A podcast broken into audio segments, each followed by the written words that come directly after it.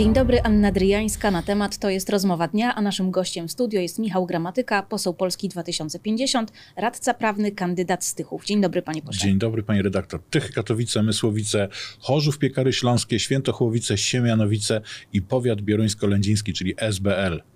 Wspominam o, y, o tym, skąd pan jest, dlatego że będzie pytanie o Dąbrowę Górniczą, więc pewnie już się pan domyśla o co, ale zacznijmy od czegoś innego, czyli od przywrócenia kontroli na granicy polsko-niemieckiej.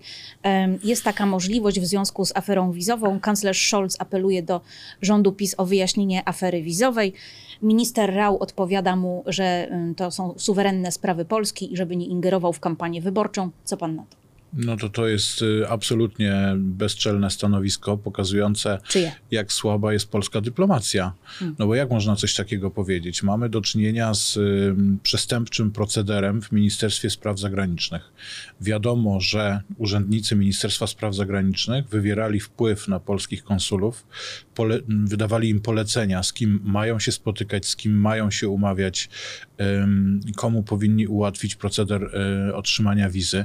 Nie wiemy, ile było takich przypadków, bo nikt nam nie chce mm, na to pytanie udzielić No, odpowiedzi. PiS wylicza, że tam ponad 200, że bez przesady to nie jest tak dużo. Tak, tak, jak ich przycisnąć. Ostatnio miałem taką okazję wobec y, wiceministra Jabłońskiego z MSZ-u, to mówi, że y, co najmniej te 200, prawda? Czyli, że służby w dalszym ciągu pracują. No bo proszę zwrócić uwagę, mm, najbliższy współpracownik pana ministra Wawrzyka aresztowany, y, pan minister Wawrzyk usunięty ze stanowiska, wyrzucony z pracy szef biura prawnego w Ministerstwie Spraw Zagranicznych, agenci CBA, którzy w dalszym ciągu prowadzą tam czynności, zajęte komputery y, najwyższych urzędników MSZ-u, no to jest naprawdę jakaś gruba y, sprawa. No no 260 nie. parę Jarosław Kaczyński przypadków. mówi, że to nawet aferka nie jest.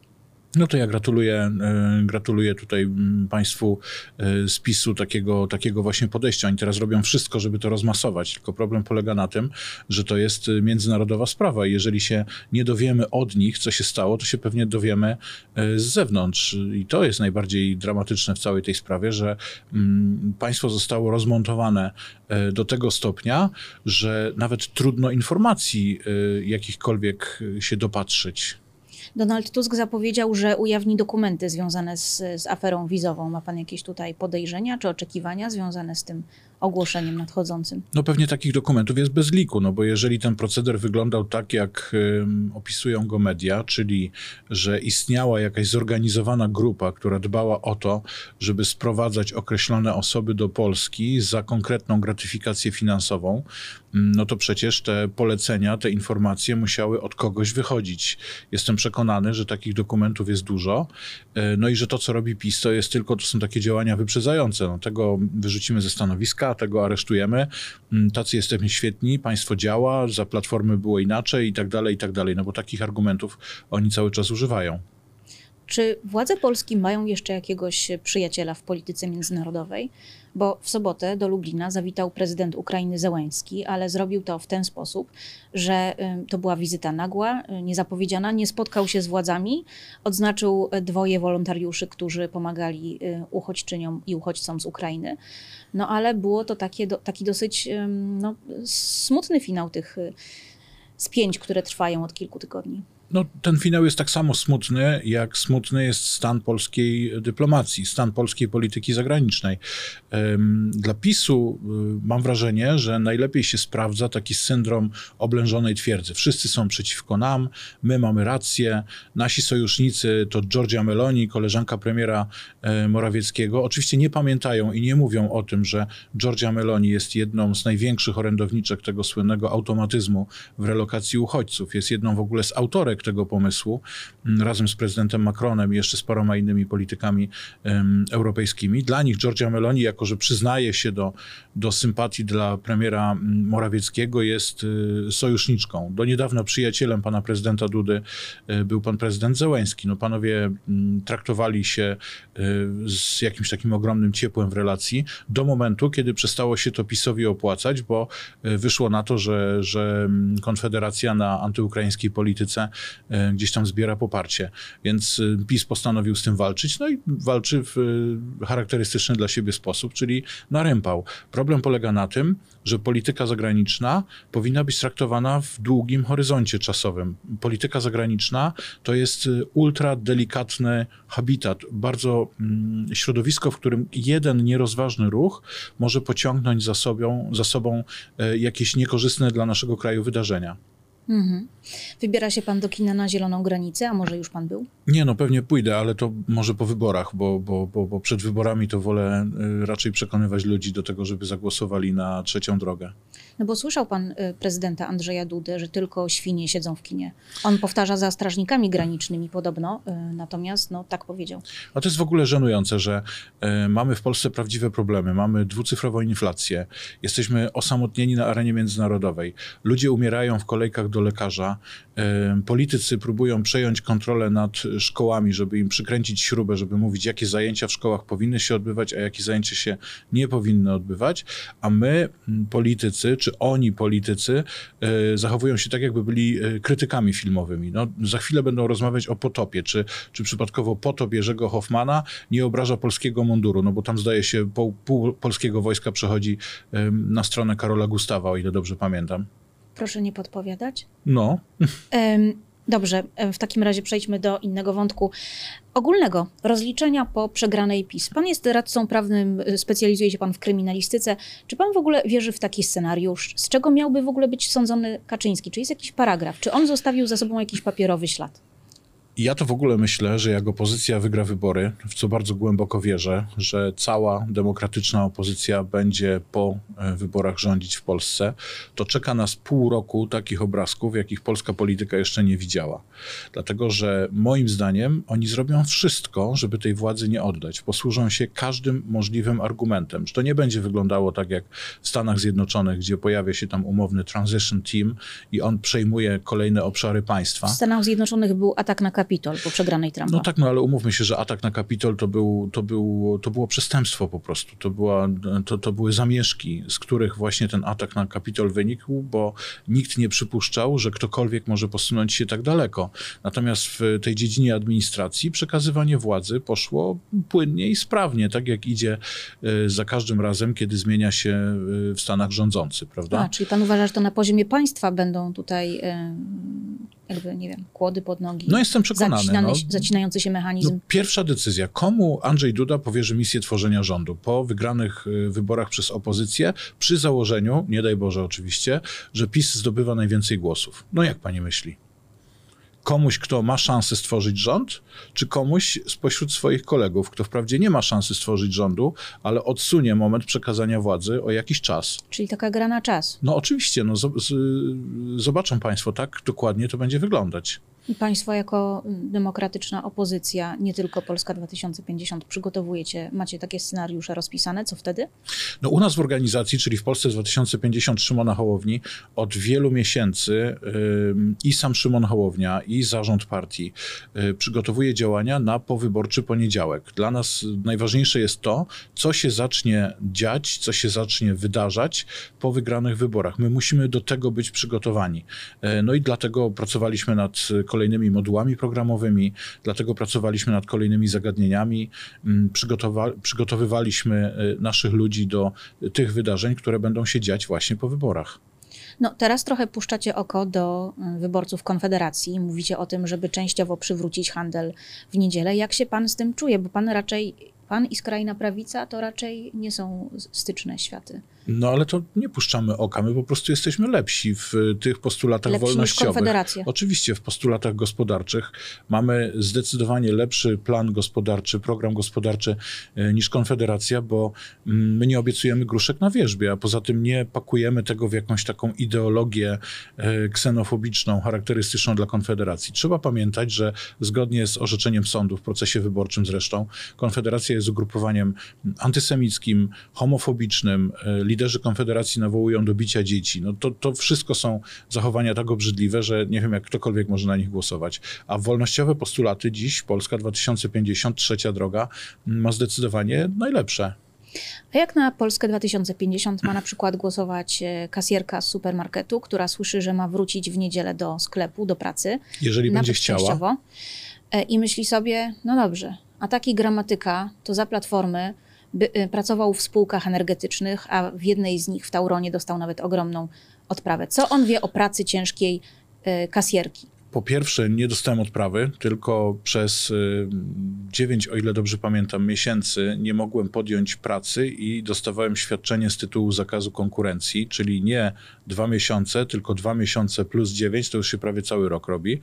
Zgadzam się, że prezesi spółek y, Skarbu Państwa otrzymują bardzo duże wynagrodzenie, ale to nie jest tak hop zostać prezesem spółki Skarbu Państwa. Dla mnie, w moim przypadku, y, ta droga trwała około trzech lat. Ja trzy lata pracowałem w energetyce, zaczynając od funkcji dyrektora departamentu w jednej spółce energetycznej, poprzez funkcję mm, prezesa spółki zależnej, czyli takiego Centrum Usług Wspólnych dla grupy Enea, aż w końcu dostałem propozycję, aby zasiąść właśnie w Tauron Polska Energia. Byłem tam y, wiceprezesem do spraw handlu. Y, Będąc poza polityką, bo to warto mm, podkreślić, że ja do polityki jakby wszedłem w roku 2016, kiedy y, wstąpiłem do Platformy Obywatelskiej. Ale rozumie pan, dlaczego kasjerce może skoczyć ciśnienie, gdy pomyśli sobie, e, że Oczywiście, że opowiada się rozumiem. pan za e, handlowymi niedzielami? Oczywiście, że rozumiem, natomiast warto, żebyśmy dodali, że od kiedy pamiętam, pracuję w niedzielę. E, Jestem wykładowcą na, na kilku wyższych uczelniach. E, Zjazdy dla studentów zaocznych odbywają się głównie w dni wolne, więc sobota, niedziela to są dla mnie normalne dni pracy. E, Najbliższe zajęcia, zresztą z kryminologii, o ile dobrze pamiętam, mam chyba też w niedzielę dla studentek i studentów pedagogiki w jednej z zagłębiowskich wyższych uczelni. Więc dla mnie praca w niedzielę nie jest niczym nienormalnym. Kasjerka w myśl naszych reguł będzie też pracować tylko wtedy, kiedy będzie chciała pracować w tę niedzielę i co warto mm, podkreślić, będzie zdecydowanie lepiej wynagradzana niż za dni tak zwane robocze. E, A Tylko jak ją spojrzeć, zabezpieczycie przed tym, żeby szef, e, kierownik e, nie powiedział jej, ale ty musisz chcieć pracować w niedzielę? bo będzie miała dwie niedziele wolne.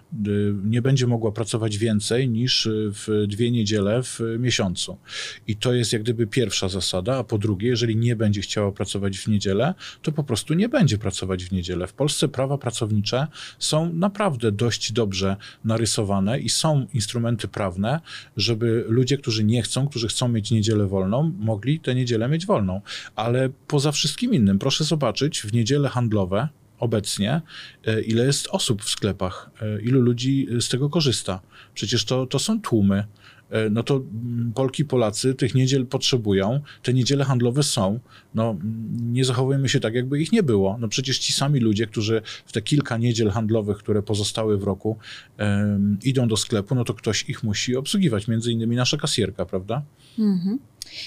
No dobrze, to teraz chyba przyjemniejszy dla pana temat, czyli wygrana z wiceminister rozwoju Olgą Semeniuk zarzuciła panu, że, znaczy państwu Polsce 2050, że chcielibyście wymazać wszystko, co związane jest z polskością. Czy ta wygrana dała panu satysfakcję? Czy jest sens procesować się o takie głupoty? Absolutnie jest sens, dlatego że w momencie, kiedy ktokolwiek y, z jakiegokolwiek nie byłby środowiska politycznego odmawia nam patriotyzmu, to on narusza jakieś podstawowe zasady, które są w ogóle u podstaw naszej działalności politycznej. Y, Ja się mogę różnić od y, ludzi PiSu czy Solidarnej Polski, ale nigdy nie powiedziałbym, że oni nie kochają Polski. No to są tacy sami patrioci jak pani czy ja, y, tyle, że mają inne poglądy polityczne. Jest miejsce na debatę, na przekonywanie się, ale są też argumenty, których używać nie wolno. No, pani ministra Patkowska akurat stwierdziła, że takiego argumentu użyje i wobec dwóch osób, które były obecne w czyli dziennikarza prowadzącego i mnie, użyła takiego argumentu, jak pani powtórzyła. No i przyszło jej za to odpowiedzieć, chociaż miałem taki moment y, y, ciemny w całej tej historii, bo w pierwszej instancji, proszę sobie wyrazić, wyobrazić, sąd stwierdził, że to jest prawo do dozwolonej krytyki. No więc jeżeli coś takiego wolno powiedzieć w mediach publicznych, to proszę powiedzieć, czego nie wolno powiedzieć. E, Jeżeli wolno komuś zarzucić, y, że on dąży do zniszczenia wszystkiego, co polskie, no to ja, jaka jest większa zniewaga, która może paść na antenie? Na szczęście w apelacji udało się tę sprawę wygrać. Nie wiem, czy pani ministra już przeprosiła, czy nie. Y, Próbuję dopatrzyć się tego, tego ogłoszenia, ale sam wyrok jest dla mnie bardzo y, satysfakcjonujący. I pani minister, pani ministro, y, niechże pani waży słowa, bo nie stać was chyba na przegrane w procesach wyborczych. A czy y, jakoś potem, jak kamery zgasły, światła zgasły, jakoś tak pogadaliście, powiedział jej pan, jakby, no, co pani mówi? Ja byłem tak zbulwersowany tą sytuacją, że y, no, muszę oddać honor dziennikarzowi Polskiego Radia, y, bo nawet on był tym zaskoczony i nawet on próbował jakoś tonować tą, e, tą sytuację, zachęcić panią ministrę do tego, żeby, e, żeby przeprosiła. No ale ona, że tak powiem, zaparte po swojemu. Y, pani minister Podkowska jest właśnie znana z takich zachowań, że no, nie cofa się ani, ani o pół kroku. Mhm. Tymczasem y, kolejne dni przynoszą kolejne informacje o karczemnych awanturach y, w TVP Info. W niedzielę Miłosz Kłeczek nazwał posła PSL Pawła Bejdę hamem. I stało się tak, gdy parlamentarzysta odmówił mu udzielenia na pytanie, które, jak twierdził, było e, z tezą.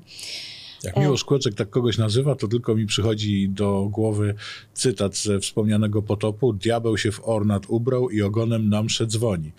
Jak się pan czuje z takim traktowaniem posłów e, opozycji? Bo to przecież nie jest pierwszy raz. Magdalena Ogórek zakrzykiwała posłankę Katarzynę Lubnauer. Było jeszcze wiele innych e, sytuacji. Ja chodzę do TVP Info e, dość często. Chodzę i, i, chodzę od zawsze, od kiedy mnie zapraszają. Chodzę dlatego, że w Polsce jest ponad 2 miliony ludzi, którzy nie mają dostępu do innej telewizji informacyjnej niż TVP Info. I oni cały czas widzą ten propagandowy przekaz i oni również zasługują na to, żeby od czasu do czasu pojawił się tam ktoś, kto mówi prawdę. Natomiast y, mm, ja wychodzę z założenia, że kłótnia z funkcjonariuszami rządowych mediów kompletnie nie ma sensu, dlatego że y, począwszy od warunków technicznych, które opozycja ma gorsze, bo ma ciszej ustawione mikrofony, to już mm, z moim bratem radiowcem y, ustaliliśmy, że, że mamy generalnie mniejsze szanse, bo nasze mikrofony mm, mają podpiętą taką, wie pani, to się kaczka nazywa, że w momencie, kiedy ktoś zaczyna mówić jednocześnie z nami, to nas słychać dużo słabiej niż tego kogoś kogoś, no, w domyśle mm, tak zwanego dziennikarza, y, więc staram się raczej wykorzystywać te y, krótkie momenty, kiedy mogę coś powiedzieć y, i rozmawiać z nimi spokojnie przyjmować wyzwanie na, na ich gruncie. Przekrzykiwanie się, awantury moim zdaniem kompletnie nie mają sensu, dlatego że proszę zwrócić uwagę, w całej tej filozofii politycznej PiS przedstawia e, swoich przeciwników jako totalną opozycję, jako właśnie opozycję walczącą, krzyczącą, nie mającą nic do zaoferowania. No, idąc... E, Czyli pana koledzy po prostu robią to źle, reagują źle reagują tak, jak reagują.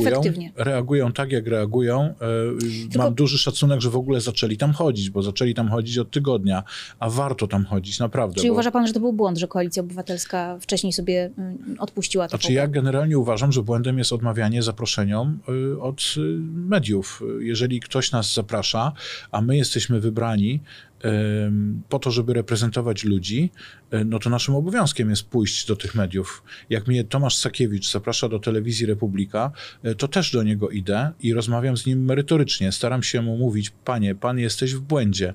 To, co pan mówi, to nie jest dziennikarstwo, to jest propaganda. Tylko widzi pan, jakby apele o spokój to jest jedno, ale e, dziennikarz może zadać panu takie pytanie, na które nie ma dobrej odpowiedzi. To jest bardzo proste. Ja na przykład mogę teraz pana zapytać, kiedy pan przestanie męczyć małe kotki. No to ja pani wtedy powiem, jako wykładowca logiki, że e, to są tak zwane sofizmaty, czyli to są, istnieje taka kategoria pytań, na które nie ma e, dobrej odpowiedzi. To są pytania, które same w sobie zawierają tezę i antytezę. I pana zdaniem Kłeczek pozwoli panu na wykład o sofizmatach? Miłoszu Kłeczku gdzieś tam w środku, pod tą skorupą nieprzyjazną i nieprzyjemną przyjemną na pewno tkwi jakieś dobro i trzeba to dobro po prostu zobaczyć. Jak w każdym okay, człowieku. Cóż za optymizm z rana. Dobrze, przejdźmy do y, nowego sondażu E, w którym Polska 2050 i PSL uzyskały łącznie 8,5%. 8,5% to jest... E, to jest ten sondaż, którym nas badają osobno, tak? Czyli PSL i Polska 2050. Ty, tylu. Polaków e, uważa, że pod e, waszymi rządami Polska byłaby najbezpieczniejsza A w porównaniu do Cóż to za pomysłowy partii. Dobromir nas bada osobno, to jak my mało. razem.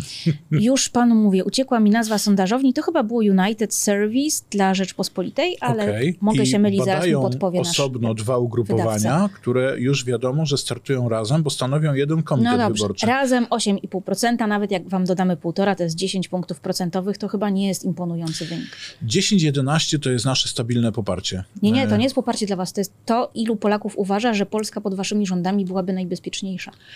Y, no dobrze, ale to jest jakiś tam, jakieś pytanie, jakiś obraz, powiedzmy, emocji z jakiegoś konkretnego dnia. Jak byliśmy w przeddzień amerykańskich wyborów, konfrontacji pierwszej pomiędzy Donaldem Trumpem a Hillary Clinton, to renomowany portal polityczny Politico prezentował na swoich stronach prognozę i z tej prognozy wynikało, że jest 95% szans, że Hillary Clinton zostanie kolejną prezydentką Stanów Zjednoczonych. No jak się skończyło, to wszyscy pamiętamy. W przeddzień wyborów prezydenckich pomiędzy Dudą a Komorowskim, prezydentem był Komorowski, jeżeli czytać sondaże, prawda? A wygrał Duda i to tak dość y, znacznie wygrał. Więc no, to jest y, ten minus sondaży, że one pokazują jakieś tam zdjęcie rzeczywistości, a ten sondaż, który bada ugrupowania startujące w koalicji jako dwa osobne byty, y, no to sama, niech pani redaktor odpowie sobie na pytanie, po co takie, takie badanie robić. SW tak Research dla Rzeczpospolitej, już uzupełniam. Pomyliłam to tak jakbyśmy zbadali na przykład, y, rozdzielili PiS, bo tam jest PiS zdaje się, prawda? No przecież PiS to nie jest tylko PiS. To teraz po, powinni rozdzielić PiS. Mów pan o Zjednoczonej Prawicy. Tak, suwerenną Polskę. Tam nie jest pewnie napisane, że Zjednoczona Prawica, tylko PiS. No a, a pod, tym, pod tą nazwą PiS kryje się PiS, suwerenna Polska, to tam jeszcze Mejza, cookies, y, Czyli pan się nie przejmuje. i tak dalej. No, no dobrze, no niech badają. No, każda dana jest fajna pod warunkiem, że y, warto na nią patrzeć. myślę, że 10-11% dziś w sondażach to jest y, dobry kapitał, to jest dobra zaliczka na to, żebyśmy wierzyli w to, że nasza kampania wyborcza będzie efektywna i efektowna. No ale są sondaże, które mm, no, pokazują, że, że nie przechodzicie y, nad próg wyborczy, bo jako Cebos. koalicja macie 8, 8 y, punktów procentowych, to jest wasz próg, nie 5. Cebos, tak rządowy to zdaje się, on rzeczywiście tak pokazuje. No, ale to, nie martwi się tym pan. Nie, Również no, tym. Proszę, to żart jakiś jest, prawda? Bo tam Cebos nam pokazał mhm. 4 chyba i pół e, punkta procentowego, czyli nawet tego niższego progu byśmy nie przekroczyli, mhm. jeżeli w to wierzyć. Mhm. Ale za to PiS tam ma 50. Czekam na taki sondaż, gdzie PiS będzie nie, no, miał... No, chyba nie, nie aż 50. No, no bez... tak, no pod, ponad 40%. No to, to nie 50. No 46, 47. Za chwilę PiS tam będzie miał 117%, zobaczy pani. Niewpuszczenie obserwatorów OBWE na wiec Jarosława Kaczyńskiego. Czy to jest jeszcze coś, co pana e, martwi, oburza? Czy myśli pan, że OBWE podejmie w związku z tym jakieś działania, czy to jest tylko kronikarska tutaj konieczność odnotowania pewnych rzeczy? Nie wpuszczają, bo się boją. No, nie wpuszczają dziennikarzy na spotkania z Jarosławem Kaczyńskim, bo się boją, że dziennikarze zaczną mu zadawać pytania. Nie pozwalają się odzywać ludziom, którzy mówią sami z siebie, a przydzielają głos osobom, które czytają pytania z kartki, bo, mają Pietra, że ktoś im zada pytanie, na które nie będą w stanie odpowiedzieć. Ja się ostatnio wybrałem na spotkanie organizowane w moich rodzinnych Tychach z wiceministrem spraw zagranicznych. Na szczęście mnie wpuszczono i mogłem mu zadać pytanie o właśnie aferę wizową, e, na które on odpowiadał ewidentnie przekazem partyjnym. E, a to, to znaczy, że oni nie mają odpowiedzi na te naprawdę trudne pytania. No i pewnie dlatego e, próbują ograniczać osoby, które są zapraszane na, na, na ich wiedzę. No ale to jest OBWE. To, to nie jest ten czy inny dziennikarz, którego nie lubią, czy ten czy inny zwolennik e, partii, innej no, partii. Tak, ale, ale zdaje się, że w tym takim partyjnym przekazie to są wściekli na OBWE za to, że ono chce obserwować polskie wybory, że jakby e, obniżyło kategorię, że próbuje pokazać, że są naruszane standardy demokracji w Polsce. No tak, tylko no. odpowiedzią na to powinno być właśnie wpuszczenie ich, pokazanie, słuchajcie, Prawda? nie mamy nic do ukrycia. Prawda? Dokładnie tak samo myślę jak pani. E, no ale oni robią po swojemu. A państwo nie macie przekazów dnia? Bo tak pan powiedział, tak, no mają przekazy dnia. Polska nie 2050 nie, nie, nie, ma przekazów dnia? Nie, nie mamy przekazów Nie ma SMS-ów czy maili, które lecą na temat najważniejszych rzeczy, co nie, mówić? A, ale y, jako, że każdy z nas zna się na innym obszarze, to bardzo często bywa, że jak jakiś y, temat jest y, wiadomo, że będzie mm, eksploatowany, będzie poruszany, to na przykład specjaliści od gospodarki rozpracowują ten temat i wrzucają takie tezy, mm, które pokazują, jakie jest nasze stanowisko jako organizacji nie wiem, ja mogę I mówić to nie prawie. są przekazy dnia. Nie, to nie są. To jest raczej po to, żebyśmy mogli sobie poukładać myśli. Mhm. Dobra, czyli ostatnia sprawa. Dąbrowa Górnicza, słynna orgia księży, która odbiła się szerokim echem nie tylko w Polsce, ale i za granicą. I w internecie znajduje komentarze, co oni na tym Śląsku wyprawiają. No, no, no, tylko nie na Śląsku. Jest tam taka rzeka, e, nazywa się e, Brynica i e, za tą rzeką to już jest Zagłębie, a Śląsk jest z drugiej strony tej rzeki. Animozje pomiędzy Śląskiem a Zagłębiem są dość humorystyczne. Na przykład miasto Sosnowiec w ramach gadżetu promocyjnego wyprodukowało paszporty, bo na Śląsku się mówi, że jedziemy za granicę, bo kiedyś tam była granica, prawda, pomiędzy dwoma mocarstwami.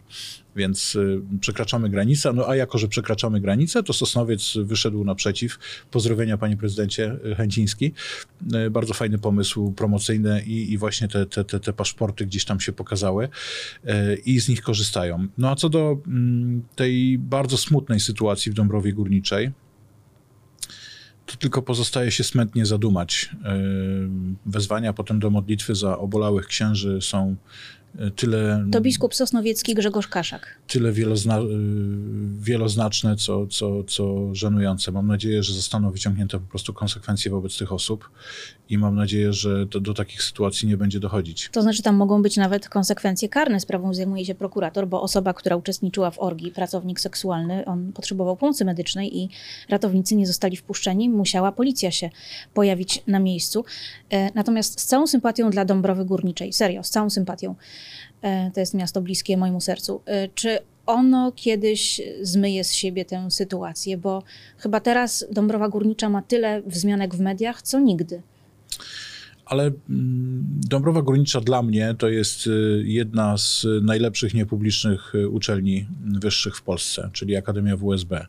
Dąbrowa Górnicza dla mnie to jest pan prezydent Marcin Bazylak, który jest jednym z najbardziej mm, takich samorządowców y, ceniących sobie zdanie y, mieszkanek mieszkańców, konsultuje wszystkie możliwe sprawy. To jest fantastyczny projekt y, fabryki, która powstaje w y, sercu miasta, do budowy takiego centrum. Dąbrowa Górnicza ma naprawdę wiele mm, niesamowitych pozytywnych rzeczy do zaoferowania. To jest Pogoria, na której y, uczą się pływać, uczą się żeglować młodzi żeglarze. Mm, Naprawdę, o, o jakiejś tam, nie wiem, orgii w tej czy innym miejscu za chwilę nikt nie będzie pamiętał, a, a Dąbrowa Górnicza pozostanie fajnym, pozytywnym i zielonym miejscem na mapie województwa śląskiego. Dziękuję serdecznie. To był poseł Michał Gramatyka z Polski 2050. Dziękuję Jest, pośle. jest, cały czas jest. Bardzo To dziękujemy. był program z udziałem. Oczywiście, że jest. A z Państwem żegna się Anna Dryjańska. To była rozmowa dnia i jest rozmowa dnia. Zapraszam na następne wydanie.